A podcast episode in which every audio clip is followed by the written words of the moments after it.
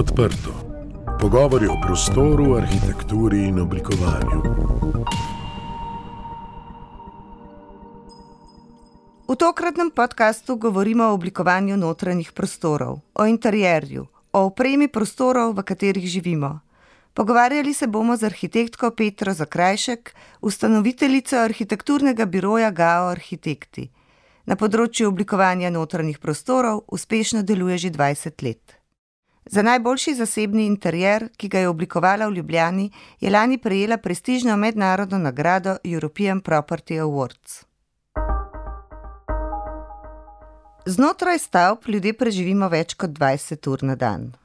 Že za voljo tega dejstva bi se nam splačalo, da bivamo, delamo, se ukvarjamo s športom in se zabavamo v kakovostno zasnovanih in urejenih prostorih. V takšnih, ki blagodejno in spodbudno vplivajo na nas. Eden največjih arhitektov prejšnjega stoletja je dejal: Prostornost, svetloba in red so za človekovo življenje enako pomembni kot hrana ali postelja. Ko stavbo zgradimo, je v njej veliko praznih prostorov. Da prostori postanejo sobe, moramo vam postaviti pohištvo. Celo več. Premisliti moramo, kaj vse bomo tam počeli, da bomo imeli dovolj prostora za vse naše dejavnosti. Prostor te določi, ko van stopiš. Z enim samim pogledom lahko natančno poveš, kje si. Vpliva na naše počutje in vpliva na naše obnašanje. Soba je lahko prijetna in sproščeno se bomo sprehodili po njej. Morda je hladna z reskim vonjem, ki se nam bo zajedel v nosnice. Pogled na prostor okoli nas nam sporoča, kdo so ljudje, ki v njem živijo in kaj počnejo. Sobe so v resnici zelo dober komunikator. Določajo vrednost in v našem predstavnem sistemu tudi velikost prostora. Imamo dvo, tri ali štiri sobna stanovanja, poznamo tudi garsonjere in v današnji dobi vse pogosteje luksuzna nadstandardna stanovanja. Toda kaj vse te prostore določa? Kakovost življenja v notranjih prostorih ni odvisna samo od njihove vrednosti, izražene v evrih ali kvadratnih metrih. Neskončno prehajajoč in svobodno oblikovan odprt tlori stanovanj se prav tako prej ali slej sooči s prostori za naše vsakdanje aktivnosti, sobami. In pogosto vprašanje, namenjeno arhitektom, se glasi: Bi lahko tukaj naredili še eno sobo? Petra, pozdravljena. Življenka. Kako si? Dober. kaj ti odgovoriš svojim strankam, ko te vprašajo? Če te vprašajo, ali lahko tukaj imamo še eno dodatno sobo? Ja, jaz jih ponovadi povabim k nam v biro, prednji jim odgovorim na to vprašanje.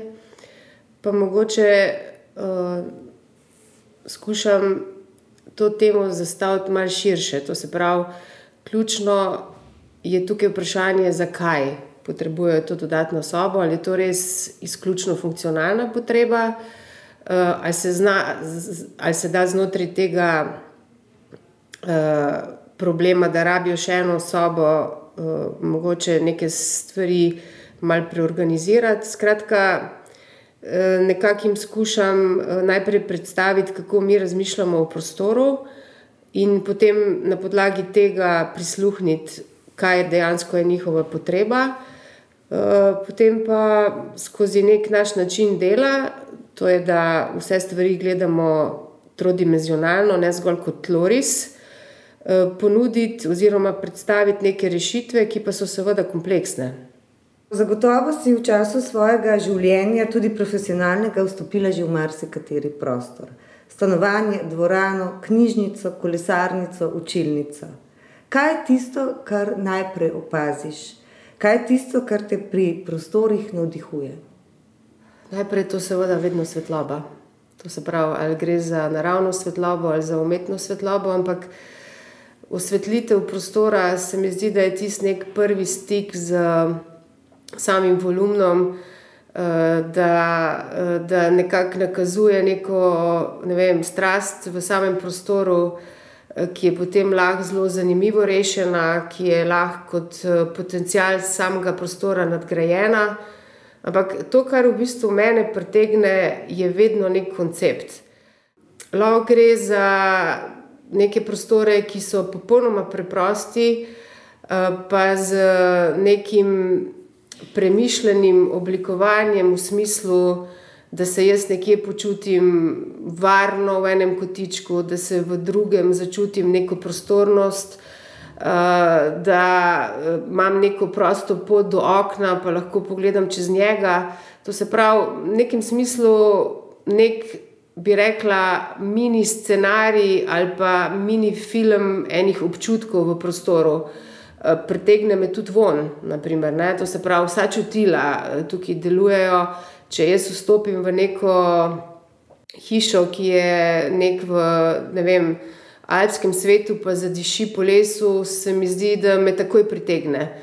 Tako da, ja, vsi, vsi čuti tukaj delujejo, predvsem se mi, gre, se mi zdi, da gre pri prostoru za neko ravnovesje, ki mu mi, evropejci, ki tega pač ne poznamo in nimamo vse, rečemo feng shui, pa se mogoče naslanjamo na neka pravila, na neke tabele, pa mreže in tako naprej.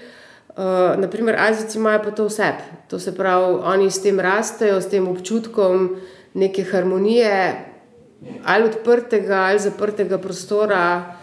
Um, ne vem, mene je mogoče moje življenje v Aziji zaznamovalo v tem smislu, da sem nekako to nezavedno osvojila, pa je mogoče postalo en del moje duše. In uh, zdaj, po 20 letih, ko sem se naučila uh, uporabljati osnovna urodja oblikovanja, te intuiciji, kar zelo zaupam in ji sledim. To je bila daljna Japonska, ta tvoja azijska izkušnja. Tam si delala v prestižnem, oziroma zelo dobrem biroju SDG. Uh, Eh, in prav tam si dobila ta navdih za ukvarjanje z interjerjem. Kaj je bilo tam tako moč, močnega, tako navdihujočega, da te je v bistvu usmerilo za celotno tvoje profesionalno nadaljne življenje? Jaz mislim, da navdih je prišel že veliko prej, ko sem bila še otrok, ko sem bila stara 12 let, pa sem občudovala arhitektko, ki je opremljala našo hišo.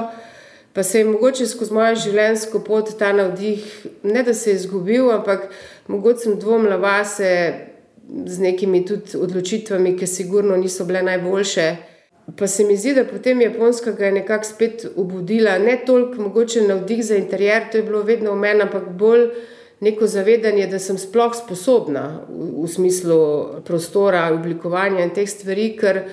Eh, način, naprimer, eh, kako sem jaz delovala tudi na fakulteti, je bil pač tak, da jaz nisem našla ta pravega urodja ali pa urodja, v katerih klasično neko skiciranje, pa te stvari meni pač niso ležale. In jaz potem, ko sem odkrila, da lahko ti v interjeru razmišljaš tudi tako že trodimenzionalno, pa po drugi poti, me je v bistvu potem spet, spet utirilo v to pot, ki sem si jo že odnegdaj želela. Drugače pa eh, v Aziji ni bilo nič glamoroznega, ko sem delala v tem biroju, zelo prvinsko so me prve 14 dni dal. V eno garažo, rezati ene nosilce, tako da ni bilo. Uh, ne, ampak nekako so videli, da sem zdržala, da očitno imam neko ustrajnost v sebi in sem pa tako zelo hierarhično uh, napredovala, šla najprej za računalnik, pa sem se me naučili v Kanžiju. Uh, projektirati, niso bile to nobene um, velike stvari. Jaz sem bila tam res na repu, uh, sem projektirala vem, garaže in take zadeve, ampak uh, ne vem, nek, nek pogled na me, pa da so me sprašvali. Če si življenje, ene take stvari, neke izkušnje, nekoga, ki je pač prišel iz Evrope, so mi pa dale misliti, da mogoče pa ne vem, nekaj vseeno v meni je ta zga, da uh, bi lahko delala tudi samostojno ali pa ne vem, vodila en biro.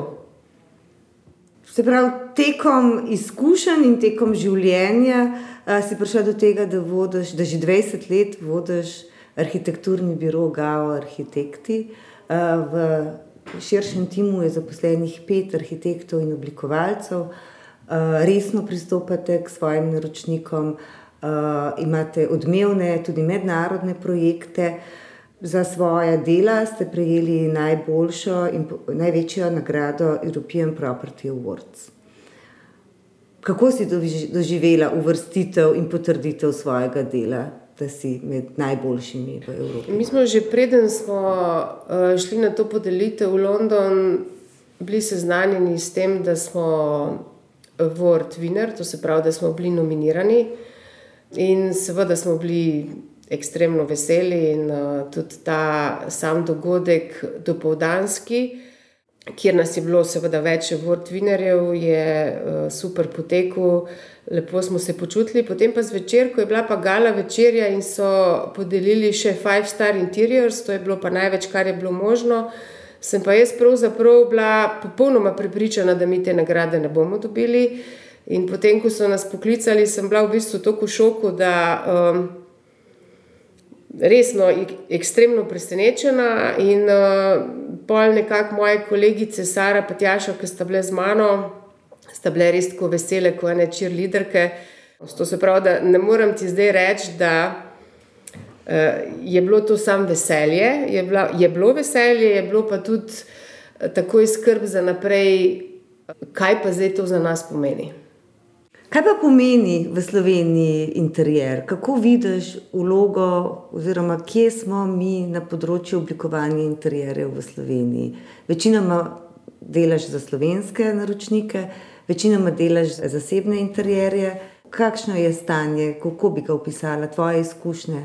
Zdaj, dobila si veliko mednarodno nagrado, ker si se kosala z vsemi pomembnimi interjeristi na svetu oziroma v Evropi, delaš v Sloveniji. Ja, mislim, jaz zdaj moram predvsem primerjati neko svojo pot delovanja tukaj v Sloveniji. Naprimer, Eh, moram reči, da razlika izpred desetih let, če tako gledamo po, po desetletjih, tudi v Sloveniji, vendarle je. To se pravi, tako kot na drugih področjih razvoja, je z to neko globalizacijo, pa z internetom, pa socialnimi omrežji, so ljudje vsekakor veliko, veliko bolj seznanjeni, kaj se dogaja, kaj so trendi, uh, imajo neko zavest, da je interjer absolutno enako pomemben kot arhitektura ali hiše ali stanovanja samega. In ja, je seveda veliko lažje delati z ljudmi, ki vejo, kaj hočejo. Čeprav mogoče na vidi zgleda, da imamo mi rajšne ročnike, ki rečejo, bomo vam popolnoma zaupali, pa naredite, kar hočete, to sploh ni res. Če ti uh, kot inspiracijo vzameš nekoga, ki ve, kaj želi, tudi pol ti kot dizajner iz sebe absolutno več potegneš in si veliko bolj prizadevaš, da boš nekako ta um, pričakovanja uresničil. Je pa res, da jaz mogoče z, z današnje perspektive 20 let ne znam več izprav odgovoriti, kakšno je stanje, ker tisti ljudje, ki pridejo k meni, so se že odločili, da bojo najeli interjerista. Nisem mogoče prava oseba za to, da bi, da bi rekla, koliko je to prisotno ali pa ni, no, ampak eh, mi imamo zadnje pet let res veliko dela in mislim, da se tukaj stanje popravlja. Zdaj, če me pa sprašuješ pa o vrednosti našega dela, to je pa druga stvar. Ne? To je pa nekaj, kar je pa neprimerljivo s tujino tako, kot je neprimerljivo, so cene nepremičnin tega v tujini. Ne. No, ampak v bistvu tvoj, tvoji naročniki, tvoje stranke prihajajo k tebi zaradi referenc in zaradi zgodb, zaradi tega, ker so videli tvoj interjer in, so, in si želijo na tak način uh, opremiti svoje stanovanje, mm -hmm. poslovne prostore. Kakšne so torej zgodbe tvojih interjerjev?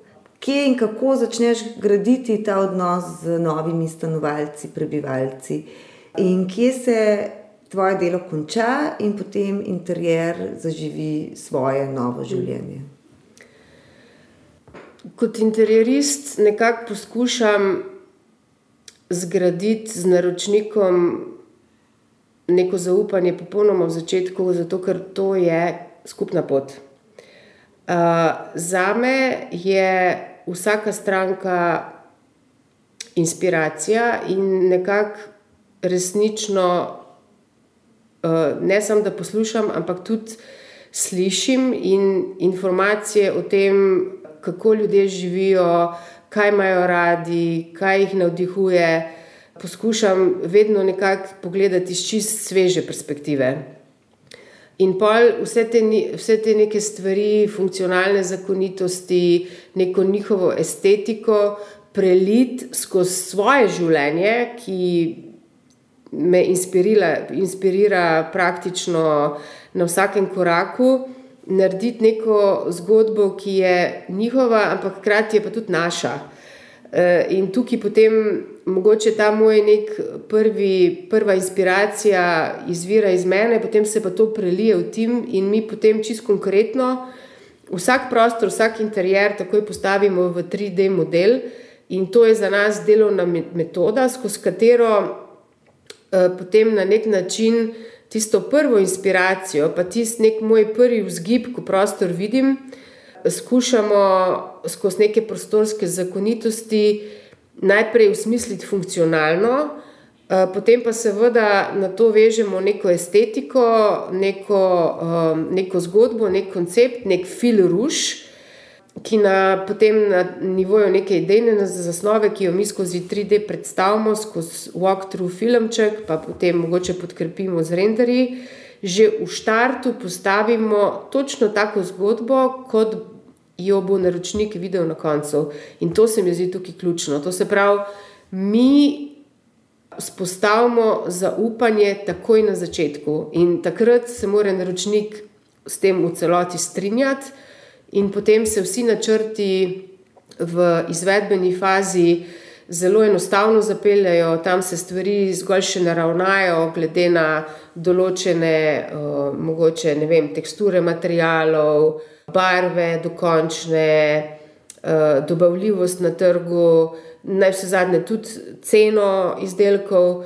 Ampak uh, ta neka hrbtenica, ideja, osnovna koncept je pa praktično prepoznaven od začetka, in naročnik, in mi z njim živimo, to skupaj so ustvarjamo. Uh, in na koncu, jaz mislim, da je zadovoljstvo z naročnikove strani, ne samo nad rezultatom, ampak tudi na to, na to potjo, v katero je bil on aktivno soodeležen. Koliko časa pa traja ena taka zgodba, eno tako potovanje iz praznega v poln prostor? Ja, to pa je kar, je kar pot. Zdaj, seveda, odvisno od obsega. Ne? Če zdaj uh, mi dve govoriva o nekem tipičnem stanovanju, ne vem, 75 kvadratov, je sama ta neka, bi rekla, projektna ali pa dizajnerska faza, ponavadi, če je tempo, bi rekla, tako optimalen, traja nekako dva meseca, potem pa sama izvedba, verjetno še dva. Odvisno je to adaptacija, je to novogradna, ampak ja, začne se nekako pri štirih mesecih, pa potem, če gre za zahtevnejše objekte, kvadratur, ne vem, 300 kvadratov, 400 eh, kvadratov, je to lahko tudi dve leti. Od ideje do, do končne izvedbe. Ne. Tukaj že vključuje tudi izvedbo, pri kateri smo mi skozi soodeleženi, eh, tolmačimo vse stvari izvajalcem, spremljamo do konca v tem smislu. Seveda, pri oblikovanju interjerjev oziroma zasebnih stanovanj, recimo, če se omejiva na njih, obstaja, obstaja več pristopov, kot si omenila, in tudi zelo dobro opisala tega svojega. Eden je tudi, da pač narediš uh, z materiali eno zgodbo, z materiali, teksturami, odbleski. Eh, in taktilnostjo teh posameznih mhm. materijalov, eno zgodbo, ki se seveda izvede tudi potem v posameznih kosih pohištva. Je pri vas tako, da izbirate kose pohištva ali jih tudi avtorsko uh, načrtujete in oblikujete? V bistvu delamo kombinacijo obojega. To se pravi, vse te stvari, kot so večji elementi, kot so kuhinja, ne vem, ugradne omare, um, vse te stvari, ki se nekako prilegajo prostoru, ponavadi naredimo po meri. To se pravi, jih oblikujemo. Eh, zberemo materijale, barve, dodatke. Eh, kar se tiče pa tipskih kosov, to so pa v glavnem stvari, ki so poudarki ali pa pika na i, govoriva o klubskih mizicah, jedilnih mizah, stolih, na katere se mora stranka usesti in jih tudi funkcionalno um, preizkusiti. To, pa, to so pa v bistvu tiste, uh, bi rekla, uh, dodatne um, tipske zadeve, ki dogradijo ta naš v bistvu pomeri narejen interjer. V duhu uh, podnebne krize se stavbam in arhitekturi naprtuje kar en tak močen, močno breme, da smo kot arhitekti in kot graditelji odgovorni za vrsto, za vrsto negativnih učinkov, tako na samo okolje, na naravo, kot tudi na posameznega človeka. Interjer je tisti del uh, stavbe, ki je v najbolj pristnem delu, ki je v najbolj pristnem stiku z samim uporabnikom. Bistvene človeške, oziroma osnovne človeške potrebe so ostale enake skozi naš, skozi zadnjih sto let. Recimo. Bistveno se pa je spremenila tehnologija. Tehnologija, ki omogoča določen način bivanja, hkrati pa tudi tehnologija kot orodje, s katerim lahko dosežemo neke učinke v interjerju. Kako to vpliva po tvojem na interjer? Zdaj, če um, direktno gledam vpliv na naše delo, gre pa navadi za to, da se stranke odločijo naprimer, za pametno hišo, eh, za pametne inštalacije, s katerimi uravnavajo eh, talno gretje, svetlobo, senčenje hiše. To so neke stvari, ki jih mi pri svojem delu upoštevamo. Ne vplivajo pa v smislu estetike, ključno na naše delo. Zdaj, če me vprašaš osebno, jaz sem še vedno pristaš, da luč pržgeš na stikalu, pa da ne vem, kamin pržgeš uh, z ognjem. Ne? Ampak pa da zjutraj, ko vstaneš, sam dvigneš v leto. Ampak to je zgolj moja osebna afiniteta in jaz kot dizajner prisluhnem temu, da pač ljudje razmišljajo drugače in da jih ta tehnologija zanima vznemirja uh, in da pač uh, želijo svoj dom in hišo upravljati na ta način. Na estetiko pa pravzaprav to v nobenem kontekstu ne vpliva. Mogoče, kar se tiče tega, teh pametnih inštalacij, ko lahko uporabniki sami razvijajo vrsto, kriter, vrsto scenarijev, mhm. se mi zdi, da s tem stanovanje postaja nek predvid, neka predvidljiva zgodba, kjer ni uh, več nepredvidenih situacij. Ja. Večkrat me kdo vpraša, ali bomo kakšne luči ali pa elektroprojektant bomo zdaj kakšne luči dimali. Jaz mislim, da če je svetloba v interjeru pravilno rešena, mora nuditi več variant razsvetljave. Ko se ti počutiš poln energije, pa rabiš več svetlobe ko se počutiš slabo, pa imaš rad, da je samo en kotiček osvetljen.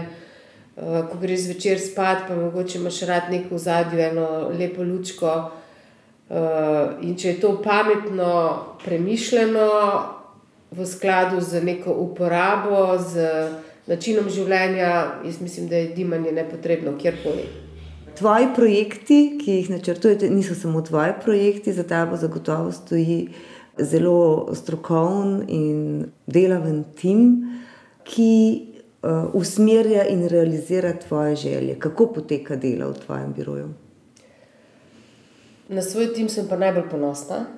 Uh, in po 20 letih nekako res. Vsak dan, ko pridem v biro, je pri nas dobra energija, zelo lepo se dopolnjujemo.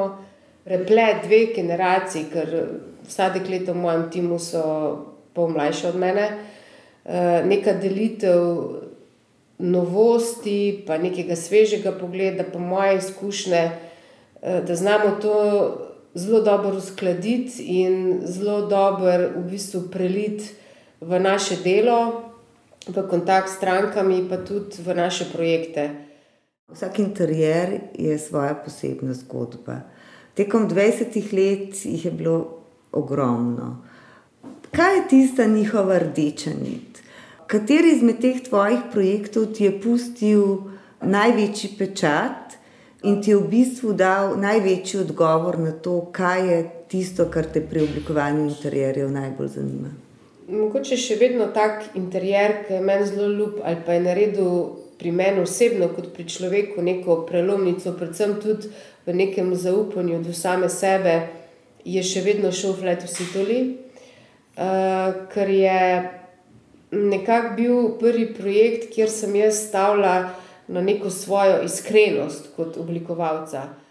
Nekako eh, lokacija Situla je bila vedno malo sporna, in ko sem jaz razmišljala o tem, kako oblikovati stanovanje v njem, sem pravzaprav um, razmišljala, da moramo vse te stvari, ki ljudi motijo, to se pravi ta neka industrijska lirika, pa železnica, ki je zraven, da jih moramo še poudariti, da moramo biti iskreni, da moramo ponuditi nek način življenja, ki je drugačen in ki sigurno ni za nekoga, ki rad kosi travo, pa ima malo vrtička. To mi je čisto konceptualno, kot dizajnerju, dalo misliti, eh, da je ta iskrenost, ki jo jaz nekako vse imam tudi kot človek, da se ne smem sramovati in da jo moram v svoje delo preliti.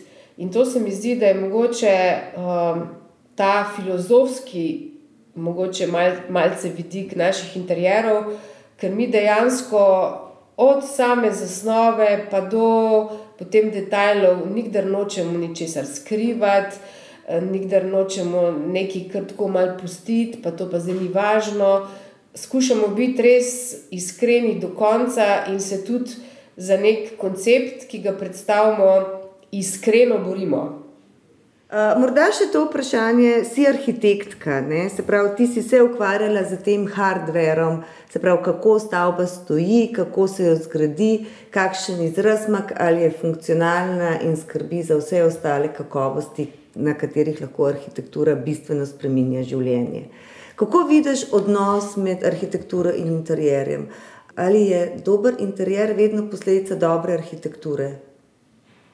Vsekakor, ampak eh, ni pa nujno. Ne? To je eh, tako v življenju, imamo pravila, pa se pravila lahko tudi kršijo. Ne? Mi smo že tudi naredili kakšen zelo lep interjer v arhitekturi, ki mogoče ni bila eh, tako lepa. Jaz mislim, da je ključna tukaj povezava ali pa za neko kvaliteto bivanja. Se mi zdi pa, da je ta povezava pa ključna. In jaz tukaj strašno pogrešam to sodelovanje med arhitekti, ki oblikujejo volumen, ki projektirajo zgradbe in med nami interjeristi. In pri vsej tej poplavi nepremičnin in novograden, ki so ta hip na trgu, se mi zdi, da pravzaprav um, investitorji strašno veliko zgubljajo, ker, ker ne povežejo arhitekta in interjerista. Eh, ker na konč, v končni fazi se to tudi pol investicijsko, ko se delajo neki popravki ali pa si potem stranke kupijo stanovanje, pa ima en kup pomankljivosti, funkcionalnih, um, neka energija se dodatno zapravlja, pa bi bilo veliko bolj enostavno ta dva profila povezati in res delati dobre zgradbe z dobrimi prostori, notri in zunaj. Praznujete 20 let. In svojo 20-letnico ste se odločili, da boste praznovali prav, na prav poseben način. Naredili boste sprejem na slovenski ambasadi v Londonu. Zakaj? Jaz mislim, da gremo naprej. To se pravi, slovenski trg je mali, eh, način življenja podoben. Jaz sem pač človek, ki je nemirno v sebi in vedno išče neke nove izzive. In, uh, London je odnegdaj mesto, s katerim sem bila povezana prek eh, prijateljev, ki jih imam tam, prek svoje babice in detka, ki sta tam živela, prek arhitektov Square in Partners, s katerimi že deset let ali pa drugače sodelujemo. London je mesto, ki je za me najbolj globalno, ki ima najbolj zanimivo strukturo ljudi, ki je res, kjer je res vse svet in jaz mislim, da nekako moramo najti tam tudi neko svojo nišo, ki, bo, ki nam bo že spet um, preusmerila tok ali pa razširila naš uh, miselni vzorec na nekaj svežega, nekaj novega. Petra, najlepša hvala in vso srečo v Londonu in še naslednjih 20 let. Hvala tebi, Lenka.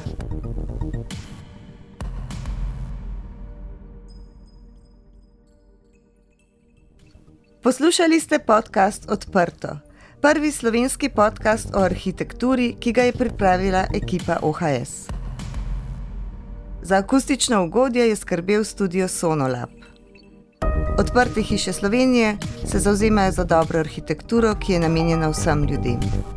Prisluhnite nam vsakič, ko boste v prostoru želeli izvedeti več. Da smo lahko odprto spregovorili o prostoru, nam je svojo podporo omogočilo Ministrstvo za okolje in prostor.